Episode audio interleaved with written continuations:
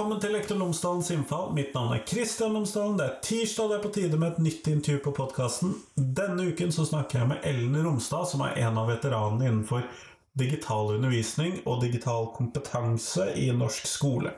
Vi snakker om hva som skal til for at vi får til god digital undervisning. Vi snakker om digital undervisning i spesialpedagogikken, og vi snakker om utviklingen av digital kompetanse i skolefellesskapet. Vi snakker om eh, Dekomp, Dekom Det har forskjellige navn. Vi snakker om Dekomp-midler, vi snakker om eh, digitale satsinger osv. Her får du intervjuet. Vær så god.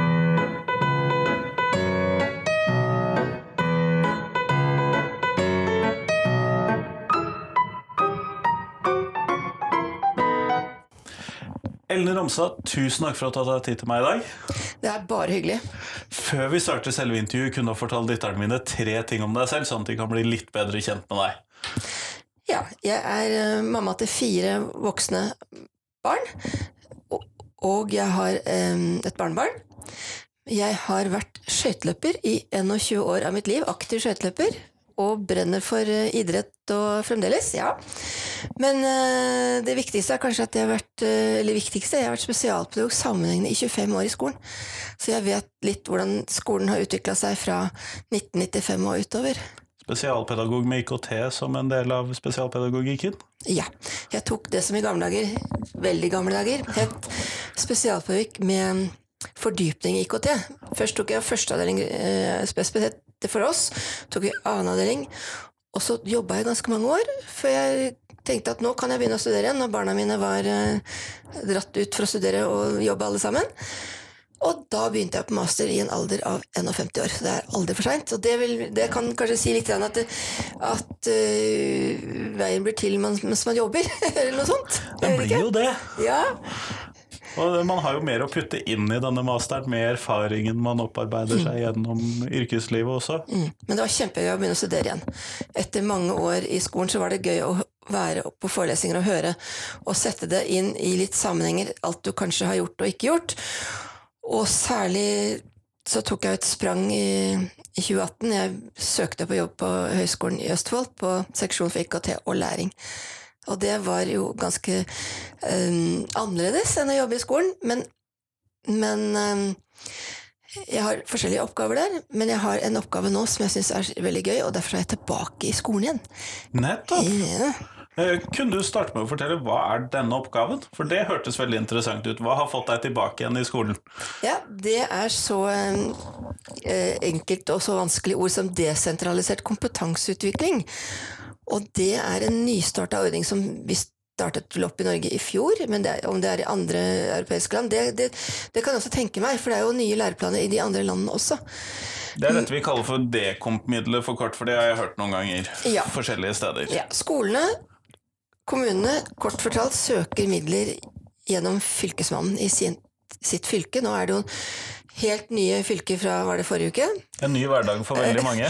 Ja, og det, det vil jo si at eh, vi får kanskje enda større flate å rette oss mot, og kanskje vi får søknader fra skoler, for skolene søker da til fylket, og til den det kan være høyskole, universitet, ikke akkurat i, i sitt fylke, det kan det være.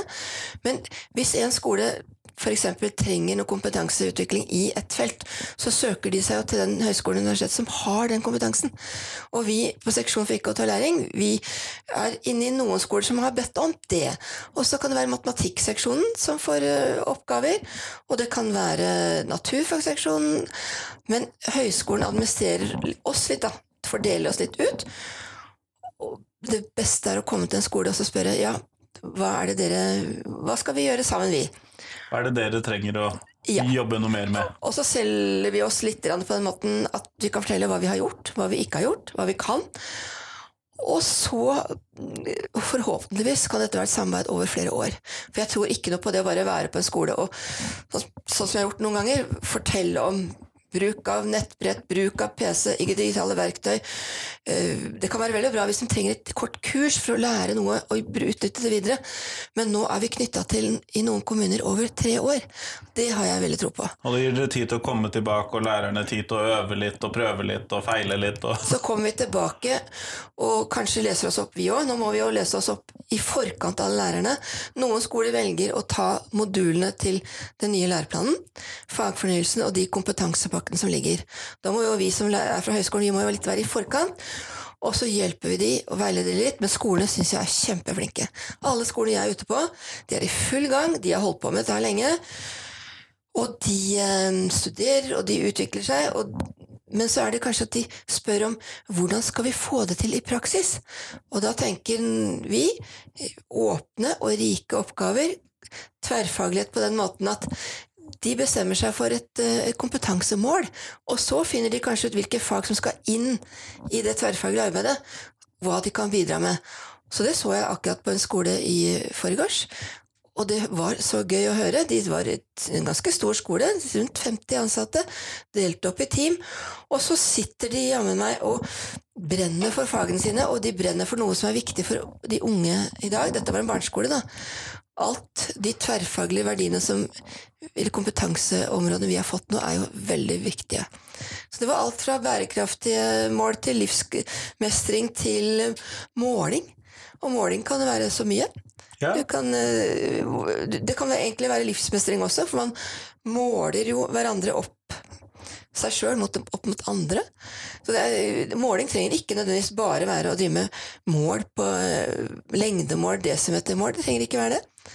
Så det, jeg tror at nye læreplanene er gull verdt for oss i skolen. Fordi at vi kan få jobbe over tid med et tema, og da tror jeg at det blir forhåpentligvis dybdelæring også.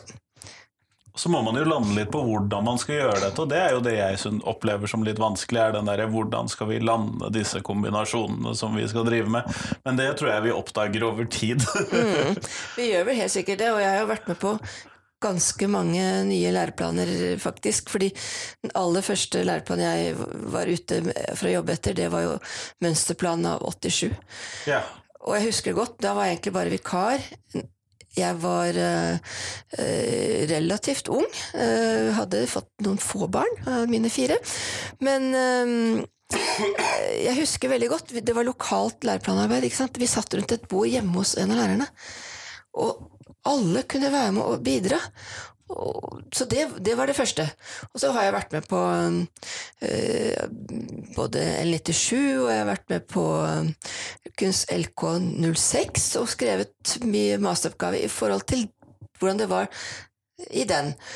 Og da har jeg opplevd mer og mer målstyring, ja. Og så Derfor syns jeg også det er så fint det med den nye med fagfornyelsen vår og nye læreplanene våre litt mer oppløsning, i hvert fall på en del fag. Og det er jo fint. Men når du da sitter der ute på en skole, og dere, du og høyskolen har da kommet ut dit, og dere mm. snakker med lærerne om hvordan man skal bidra inn i Hvordan dere kan bidra til å gjøre deres undervisning bedre på en eller annen måte. Eller annerledes. Ja. Eller, de spør ofte F.eks. én skole da, har bedt om eh, litt eh, veiledning til å komme og se på et trinn som ikke fungerer så bra som de har lyst til at det skal fungere. Og da sa jeg nei, da må jeg bare være i det trinnet eh, i flere timer. Så jeg kom om morgenen, og så var jeg der fra halv ni til eh, tolv. to ganger. Og så satte jeg, satt jeg meg ned med lærerne etterpå. og ba de bare fortelle hva de syns, og så ville jeg at de skulle si hva de syns opplevdes som litt vanskelig. Og da kunne vi sammen finne ut kanskje noen løsninger og ordninger. Så det bare det å gi de kanskje noen råd på veien. Jeg syns at dere jobber kjempebra. Jeg syns dere gjør det, gjør det, utrolig riktig og fint. Og jeg er jo spesialpedagog og ser kanskje raskt kanskje at man kan gjøre det litt annerledes på én måte, men, men likevel Du skal ikke komme der fra høyskolen og si at dette her Dere må gjøre det sånn. Uh, forskning sier at det skal være sånn. Men ja, jeg kan godt lene meg litt på forskning, men jeg kan også si til de vet dere hva, jeg har sittet i det klasserommet sjøl, jeg vet hvordan det er. Jeg har opplevd dette på kroppen. Jeg har også vært i, i um, ordinær skole. Jeg har vært um, aller mest i ordinær skole. Jeg har vært på skole for barn med sammensatt lærevansker til sammen ti år, men aller mest har jeg vært ute i skolen og sett hvordan det har vært. Og jeg har sett hvor tøft det kan være. Vi hadde ikke noe mindre problemer eh, i en liten by som jeg jobbet i i mange år på slutten av 90-tallet. Det var ganske tøft å være ung den gangen òg, om ikke ja, kan, jeg vet ikke om det har vært tøffere, eller nå er ikke jeg ung lenger, men, og barna mine har kommet godt over den tida. Den yngste er 27, men jeg har jo hengt med på ungdomstida til de samtidig som jeg er ungdomsskolelærer. Så det er ikke Det er vanskelig å sammenligne hva skal vi kalle slitasjen på ungdommene fordelt på forskjellige tiår. Mm. Ja, går, de opplever forskjellige ting, og de, de, de, eh, det presset Det var stort press på unge da også. Og det var mye som jeg helt sikkert vi kan si er like, men det var kanskje skole, det skolefaglige ble jo bare verre og verre i forhold til eh, etter eller eh, fra Ja, det ble større læringspress ja, Og så kom Kunnskapsløftet, og du hører det jo sjøl. Jeg tenkte ikke så mye på det da, da vi fikk eh, bedt eller vi ble bedt om at nå skal vi få ny læreplan. Nå heter det Kunnskapsløftet. Så hvis du tenker at ja, kunne ikke de elevene jeg har nå, da kan de ingenting, de da? Hvor skal vi løfte de opp? Ja, det er sikkert mange som har drodla og tenkt mye på det, men da var jeg på en ungdomsskole, og vi begynte veldig i forhold til um, å tenke fag og fag og fag. Mm. Da var jeg heldigvis spesialpedagog og hadde ansvar for en elev med ganske store spesielle eller utfordringer. Ja. Hvis jeg ikke sier spesielle, kan trenger ikke si spesielle behov. Det beste er å si med litt utfordringer som skal, de skal lære å takle i hverdagen. Ja, Men når vi da ser på dette klasserommet, da, fordi at klasserommet har jo forandret seg en del siden du først gikk inn i skolen. Eh, men samtidig så har jo ikke eh, klasserommet forandret seg så veldig mye de siste 400 årene. Nei. Det har jo ikke det. Så hvordan tenker du at IKT kan hva kan IKT bidra med her, da? Mm. Jeg har eh, en kollega som ofte viser et bilde fra 1200-tallet, hvor sikkert da en munk eller prest foreleste. Det sitter de på rekke og rad der også. Så den på rekke og rad, den har holdt seg hele veien. Og så tok han og bare limte inn Photoshop av en mobil inn i hånda på en av de. Og den frontalundervisningen, den håper og tror jeg at vi skjønner at den kan vi kvitte oss med nå. Og da har vi forskjellige måter å organisere undervisningen på, og det har vi også forskning på som sier at med IKT, med et nettbrett eller en PC eller hva det nå er, nå som vi har fått så mye annet også, så har vi muligheten til å løse det opp. Vi kan la noen uh, unger, elever, både unge og studenter og alle, det er det som er, liksom er litt inn nå, da. Å løse opp klasserommene. Da er vi faktisk tilbake der som Arne Tragetom kalte for temabasert og stasjons- og verkstedpedagogikk. Vi har kommet tilbake til noe som mange lærere syns var kjempebra. De, la elevene jobbe over tid. Løse opp klasserommet. Ha én krok for det, én krok for det. Og den muligheten har vi til det litt mer flytende. Sitte og jobbe med og utforske litt med en iPad, sette seg inn i et fagområde først. Og så skal man tenke hvordan skal vi gjøre dette som et endelig produkt, eller hvordan skal vi vise fram all kunnskapen eller kompetansen vår? Og det har vi muligheten til nå. Både med at de kan få lov gjennom fagfornyelsen å jobbe over lengre tid med et tema, og at vi får lov å jobbe med de spennende temaene, de som er inn og viktige. Jeg var litt, litt uh, heldigvis litt tidlig ute med å se Greta Thunberg. Jeg var en av de som fulgte henne aller først på, på Facebook og Twitter, fordi at uh, da hun satt aleine. Hun satt aleine i en gul regnfrakk med en plakat utenfor. Ganske lenge. Hun satt ganske lenge aleine. Og da, da, samtidig som det, så hadde jeg akkurat begynt å jobbe på høyskolen på den, eh, med IKT. Jeg skulle ut i skolen. Det jeg gjorde først, var å, at jeg var litt veileder og skulle uh, rette læreres besvarelse som tok uh, IKT-kompetanse. De, de, tok noe som vi kaller for MOOC, Massive Open Online Course, for um, digital kompetanse i skolen. Også, men jeg har alltid vært liksom glad i prosjekter og tenke hvordan skal elevene mine jobbe. Alltid vært det. Og så tenkte jeg jeg kom tilfeldigvis over at de begynte med Storyline på høyskolen. De drev og gjorde det for, med studentene der.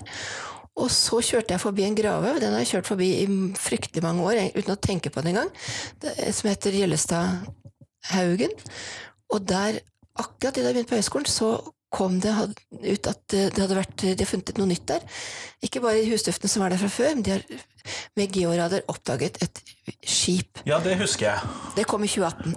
Og så begynte jeg å tenke hvordan skal jeg få elevene til eller elevene mine, eller hvordan skal kan jeg bringe dette her videre? Da tenker jeg med en gang koble inn IKT, fag, kompetanse. Jo, jeg tenkte ut en storyline. Da tenkte jeg digital storyline. Et prosjekt som går over tid, og elevene skal leve seg inn i noen fiktive roller.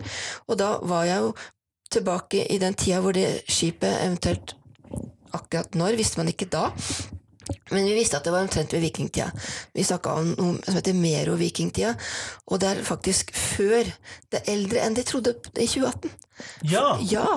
Og det var litt spennende. Eller det var spennende. Så tenker jeg hvordan ungdom har det i dag, og så tenkte jeg Greta Thunberg hun kan jo reise tilbake i tid. Og da kunne jeg putte inn noe som vi kaller den, Det er ikke noe, noe nytt, men green screen-effekten. Det som mange værmeldere også bruker. Ja, ja er Når man har en sånn skjerm, så kan du sette inn hvilket bilde du vil bak. Ja, ja. Da tenkte jeg at en nåværende skoleungdom kunne reise tilbake til vikingtida. Greta Thunberg kunne reise tilbake i, i, til vikingtiden og advare på en måte de som levde da. Og, så da, da, brukte jeg en helt enkel animasjonsapp som het Puppet Pals, som veldig mange skoler bruker i dag. Superenkel, men det er fin for de yngste elevene. Så kan man lage mer og mer avanserte filmer filmer i iMovie etter hvert. Så tenkte jeg vel også at man kunne bygge viking, det vikingskipet i Minecraft. Eller bygge den landsbyen, eller det, det som Man fant jo hustufter der, man har funnet det. Heldigvis så har jeg en, en sønn En av mine sønner leser uh, bøkene til han som heter Bjørn Andreas Bull Hansen. Og jeg har og sett at han har lest de, ikke tenkt på å lese de sjøl. Så begynte jeg nå. Og da var jo tilbake i den verden som de kanskje levde i. Det, så nå har jeg enda mer å, å, legge på inn av hvordan det var å være vikingbarn. Så bare det var jo et tverrfaglig prosjekt. Du kunne gjøre det som dybdelæring. Kan, du kunne egentlig putte inn egentlig alt. Norsk historie eh, hist eh, Samfunnsfag. Ja. Hvordan levde de? Du kunne tenke øh, bærekraftig selvfølgelig hvilke, hvordan skal vi leve for å ta vare på naturen. Uh, alt det der kunne jeg putte i det prosjektet. Men nå er jeg inne i et annet prosjekt som jeg syns er veldig interessant. Og det Vi har jo noen historiske vitner. Jeg er så heldig at jeg har en mor som var barn under krigen. Hun var ni år da krigen brøt ut. Hun husket veldig mye og fortalt oss veldig mye opp gjennom min egen oppvekst. Av utseende så er hun veldig veldig lik Anne Frank. Så når jeg skulle forberede et uh, innlegg, hvordan, hvordan, skal vi få vise lærerne at hvordan vi kan jobbe digitalt opp mot fagfornyelsen med kompetansene og de, de tverrfaglige verdiene som vi skal jobbe etter nå. Uh, vi skal jobbe etter um, livsmestring og folkehelse, demokrati, og, og bærekraftig. bærekraftig. Ja. Og da tenker jeg det at hvis du For at en ungdom i dag, så må det så må de ta utgangspunkt i hvordan de har det sjøl. Fra det nære og til det fjerne osv. Ja, for å forstå hvordan en, en, ung jente eller ung gutt Mitt eksempel nå er jo unge jenter, fordi at Anne Frank var jente, og min mor var jente. Men det kan godt være uh, unge gutter, unge jenter. Det kan være de som ikke er helt sikre på seg sjøl også, for det er jo et stort, uh, et stort problem for mange unge i dag. Og det, jeg leste nettopp at noen kaller det for, kaller det for uh, i hvert fall jenter og gutters største utfordring i dag er litt, er litt det. Det kunne man også putte inn det med kjønnsproblematikk. Ja, Det var en, en digresjon, men det Du kunne putte veldig mye inn i denne ja, historien du, jeg kan putte egentlig alt, fordi da får jeg nå en lærer som er ute i, ute i det daglige lærerlivet. For når jeg plutselig har vært fjerna meg fra det på i halvannet år, så er jeg ikke der lenger. Så hun får elevene sine til å bygge den verden i Minecraft som jeg tenker kan gå an. Så skal de møtes, den unge i dag, Anne Frank Og så skal de få lov å få låne litt fortellinger og litt bilder av det som moren min har fortalt. Og da er det et læringsopplegg som kan være samfunnsfaglig. Så jeg har funnet og sammenlignet kompetansemål for 7. trinn og for 9. trinn, nei, 10. trinn. Og så har jeg sett uh, hvilke kompetansemål det er for norsk i, etter andre og fjerde, og så har jeg gått opp til syvende. Der har jeg ikke gått videre.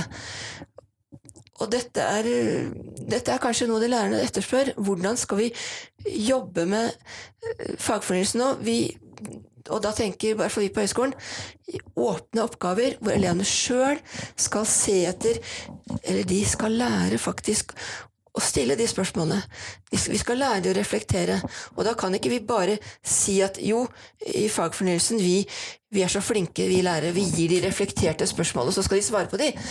Da har du egentlig ikke gjort noe annet enn det vi alltid har gjort. Og de skal utfordres. Og derfor er også Storyline-metoden fantastisk, fordi der kan lærerne gi elevene kritiske spørsmål. Akkurat det samme som Marte Blikstad Ballas sier at vi skal lære elevene uh, critical literacy på norsk. Hun uh, har vel egentlig ikke funnet så godt norsk ord på det, men det å, være, det å lese en tekst med et kritisk blikk, og det er det vi må lære. Da, vi, da putter vi inn digital dømmekraft, fake news, alt det som vi på seksjonen min skal ut og lære bort. Eh, så skjer det jo noe hele tida i IKT. Så de appene som kanskje var gode i fjor, er ikke bra i år. Eller, det har kommet en helt ny Det har kommet mange nye. Så det er vel det som jeg har holdt på med siden 2012, er jo jeg vil jo egentlig si at jeg kvalitetssikrer apper og sier at uh, til skoler ofte hva som er bra, og hvorfor de er bra. At de kanskje har en god talesyntese, gode fonter. Uh, at elevene kan utvikle det og det i de. Og så vi fikk vi jo tidlig, i en tidlig iPad-verden, eller nettbrettverden, at at man skulle bare ha produksjonsapper. Men da ser jeg for meg, og tok også veldig mye for meg, Blooms digitale taksonomi, eller Blooms taksonomi, den nye, siste versjonen. Og den handler jo om at skal du kunne skape noe, så må du jo ha de grunnleggende ferdighetene. Så man kan ikke gå rett på det øverste området. Man kan ikke bare være på tenke produksjon, man må ha de grunnleggende ferdighetene, som jo har endra seg litt etter LK20, eller Læreplan 2020. Sier vi, sier vi LK20, så er det i tråd med det vi sa LK06. Digitale ferdigheter var jo en, av de, en av de grunnleggende ferdighetene før. Nå er det samfunnsfag som har et slags overordnet ansvar, og de skal utvikle eller hjelpe elevene våre og studentene våre til å få digitalt medborgerskap. Så det er, litt, det er også en endring, at de har det overordnede ansvaret. Ingen, vi kan tenke digital kompetanse skal være en kompetanse de kan ta med seg inn i alt og bruke når det er nødvendig å bruke, og så skal de kunne se når de ikke skal bruke det. Og det er viktig. Det er kjempeviktig. Men hvordan tenker du at eh, IKT-en kan gjøre elevene mer deltakende? Jo, det er um, Det er jo veldig mye man kan si om det. Jeg tror at vi, vi gir dem noen eh, redskaper som gjør at de, de mestrer veldig, veldig raskt. Eh, elever har jo alltid eh, tatt dette før oss. Den første eleven på den skolen jeg jobbet på i rundt 2011-2012, da iPader og nettbrett kom, det var elevene som fikk det hjemme. Elevene som satt og, og brukte det, og vi, vi lærere var treige der. Og da, da vi var treige, så kom også de kommersielle selskapene som så at dette var kanskje et felt og en nisje som de kunne raskt gå inn i og lære opp skoler. Og da kom de litt i forkant av både forskning og skoler. Derfor så kom det en ny bok i, i fjor som heter Restart, um, fra Universitetet Nord. At man måtte tenke over hva er det som skjer. Og så begynte forskere å se på det her, og særlig ei som jeg bruker å, å trekke fra mye. Det er en tysk forsker som heter Isa Janke. Og hun, har, hun, har, hun, har den didaktiske relasjonsmodellen som vi er vant til å se, men hun, hun sier at det er enormt mye mer sosiale prosesser imellom elevene imellom. Du har mye mer muligheter til å kunne gi uh, formativ vurdering underveis i prosessen, og du kan veilede elevene underveis. og du utvikler de, de kan hjelpe hverandre mye mer. For eksempel, nå er jeg ute og forsker på hvordan elever jobber med i em, en arbeidsform som vi kaller for skrive seg til lesing med lydstøtte.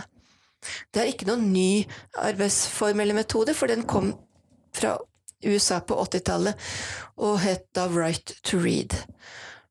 Og allerede på 70-tallet er det som, en amerikansk forsker som heter Carol Chomsky, som hadde right to read. Altså som tenker og mener at det å skrive er jo enklere, og det er forskning som viser det.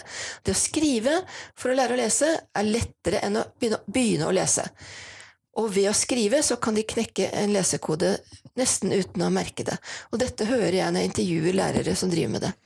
Så det, det, det kommer til å bli eh, et av mine viktigste kanskje eh, eh, punkter i, i forskningen min. Men jeg er ute etter å se hvordan snakker elevene sammen når de skriver. Fordi det er meningen at de skal skrive sammen og hjelpe hverandre. Og det mener IKT helt fantastisk. For eksempel det å lære Minecraft I starten så var jo Minecraft noe som et spill som elever satt og spilte, og de fikk ikke noe respons eller noe eh, goodwill for det i skolen. Hva er det som er viktig nå? Det er Spillpedagogene har blitt et begrep, eller en yrkestittel kanskje. Jeg har til og med sett noen utdanninger.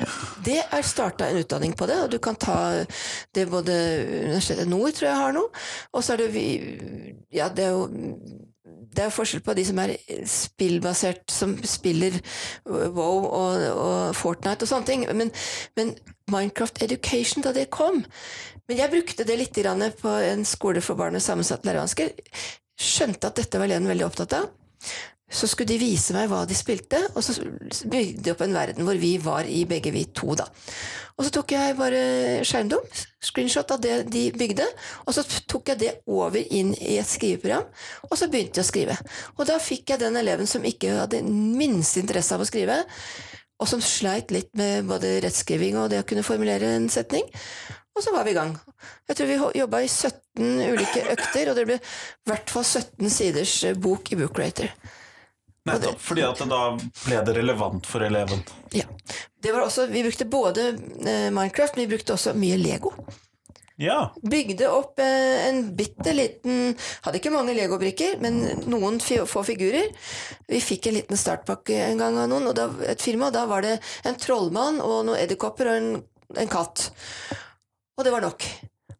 Så bygde vi biler, og så var det hele storyen ut fra elevens egne interesser og hvor de var. Og da kan det jo vi pense litt videre.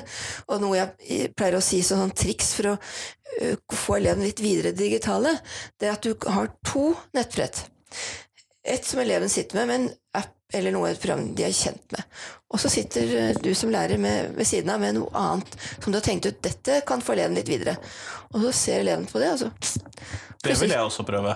ja, det er kjempesmart. Og plutselig så hadde den eleven bare hoppa over. 'Jeg vil ha den!'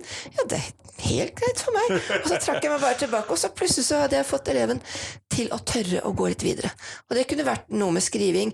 Det kunne vært å gå fra en ren app hvor de eleven Dette var da på en, på en skole for barn med utfordringer, ja trykket på et, en, den, den, er ganske kjente apper som Statped også uh, anbefaler veldig for å kanskje lære å kategorisere. Trykke på kjøretøy, trykke på en traktor. Ser og hører en traktor, trykker på en ny bilde på traktor, så kommer det en annen traktor, bare for å vise at det er jo ikke bare én Det finnes mange traktorer. ja. Det finnes mange typer biler, mange typer mennesker, mange typer instrumenter. Altså, så, og så gå videre til da å kunne kanskje lydere og skrive om kjøretøy. Og da var vi i gang med skrive- og leseopplæringen. Fra bare bilder, og snakke om det, bruke språket, bade det i språk, og over til kanskje å knekke lesekoden. Og det, det fikk jeg flere elever med, med bl.a. Downs syndrom til å knekke lesekoden med gode apper som er De lyderte da skole og skole, og så så vi bilde av skole. Aldri begynn med bøker med eh, Lars Ror eh, eh, Sels li, altså, sånn som ikke har Mening. mening for elevene. Det har vi, håper jeg vi har gått vekk fra. Det finnes mange teite av de bøkene. Det gjorde det, men det verste er at det kanskje noen av de finnes og brukes enda i dag. Det trenger vi ikke. Det er sånn at eh, Jeg hører jo det at man kan få elevene eh, Særlig hvis vi da kan kalle en sånn den eleven som trenger litt ekstra push for å komme inn i en del av disse skolefaglige tingene, kan særlig få en hjelp av denne av digitale verktøy. Er, er jo litt det jeg hører. Ja, og jeg er jo på med vekt på IKT og har jobbet veldig lenge med elever med skrive- og leseutfordringer og vansker, og har det som mitt fokusfelt og hatt det i alle år. Men like mye elever innen autismespekteret. Og så skjer det noe som vi sa i stad, det skjer noe hele tiden.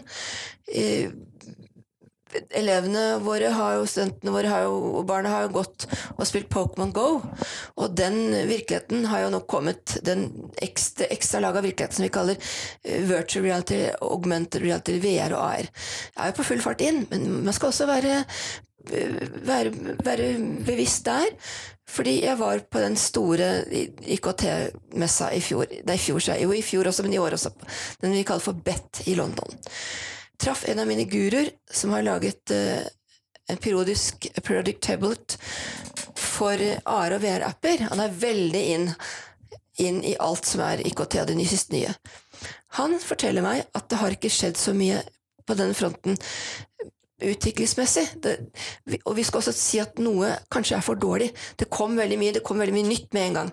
Vi skal også kvalitetssikre det vi gjør der. Så skal man tenke over hvor gamle er barna når de skal inn i den VR-verdenen. For det kan være noe med den, den, kognitive og den motoriske utviklingen som kanskje ikke har godt av det. Så han anbefalte å vente litt med det. Og så driver vi, på høyskolen har et forskningsprosjekt gående for elever innen autismespekteret for å lære sosiale relasjoner ved hjelp av VR.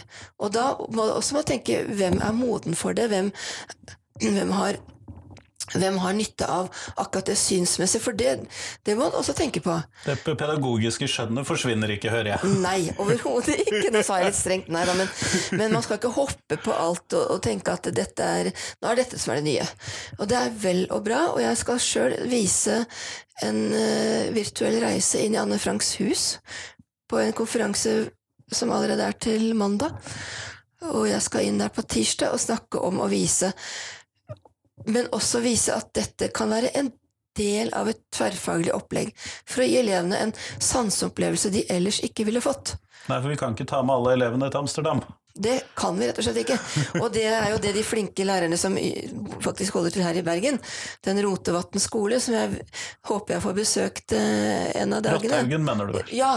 Uff a meg. Rothaugen, hva jeg sier for um, De er vel egentlig de av de som har kommet lengst både med spillbasert læring og kanskje VR og AR også. Jeg vet ikke de, hvor mye de gjør det, men det er jo en lærer som har jobbet mye med det før, som jobber der nå. Uh, Google Expedition vi kan, vi kan, ikke ta med elevene overalt, men vi kan, vi kan la de oppleve sånn som de var der. Og det er det det digitale har kanskje endret uh, hverdagen vår fra å peke på et kart ikke, Mange lærere etterlyste jo de kartene når det kom interaktive skjermer i klasserommet. Nei, jeg må Jeg kan ikke undervise, jeg må ha kartet mitt. Men da måtte de bare venne seg til at det kartet kan du ha, men du kan også ha det kartet der. Det som du du, har på veggen din her. Ja, altså det, uh, for å forstå forskjellen på kart. Uh, elever eller barn i treårsalderen kan se forskjell på et sjørøverkart og kartet på GPS-en din når du skal ut og kjøre. Så de, de, når de ser og oppdager sammenheng at ja, det kartet som kaptein Sabeltann leter eh, etter skatten på, det er det samme som det kartet. Ja, det er kart, ja! Og det, også, vi tror at elever og barn og unge skjønner så mye mer av uttrykk enn de kanskje faktisk gjør. Så jeg er veldig på det med grunnleggende begrepsforståelse i bunnen. Og det gjelder alle fag i, i det hele tatt forstå. Og det har vel en stor eh, kanskje uvane med å gjøre at vi tror at elever forstår faktisk mer enn de gjør av de grunnleggende begrepene. Kjempeflott. Ellen, du vil gå mot slutten av podkastintervjuet.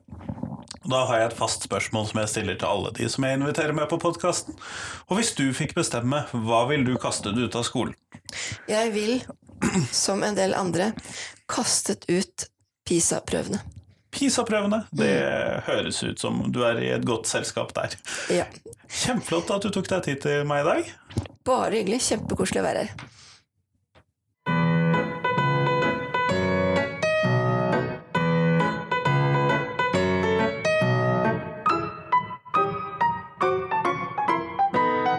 Tusen takk til Ellen, og tusen takk til deg som hørte på. Nå er det én uke igjen til neste podkast på programmet, og innen den tid så håper jeg at du kan gå inn på Facebook-siden til Lektor Lomsdalens innfall. Så Der finner du en del spørsmål jeg har stilt i bildeform eh, de siste ukene. Jeg håper at du kan hjelpe meg å svare på disse spørsmålene, fordi at det vil kunne bringe enda mer spennende temaer inn i podkasten. Det håper jeg at du kan være med på. Del gjerne også podkasten med noen som du kjenner. Det blir jeg veldig glad for. Men i hvert fall fram til neste uke, ha en fin uke. Hei, hei.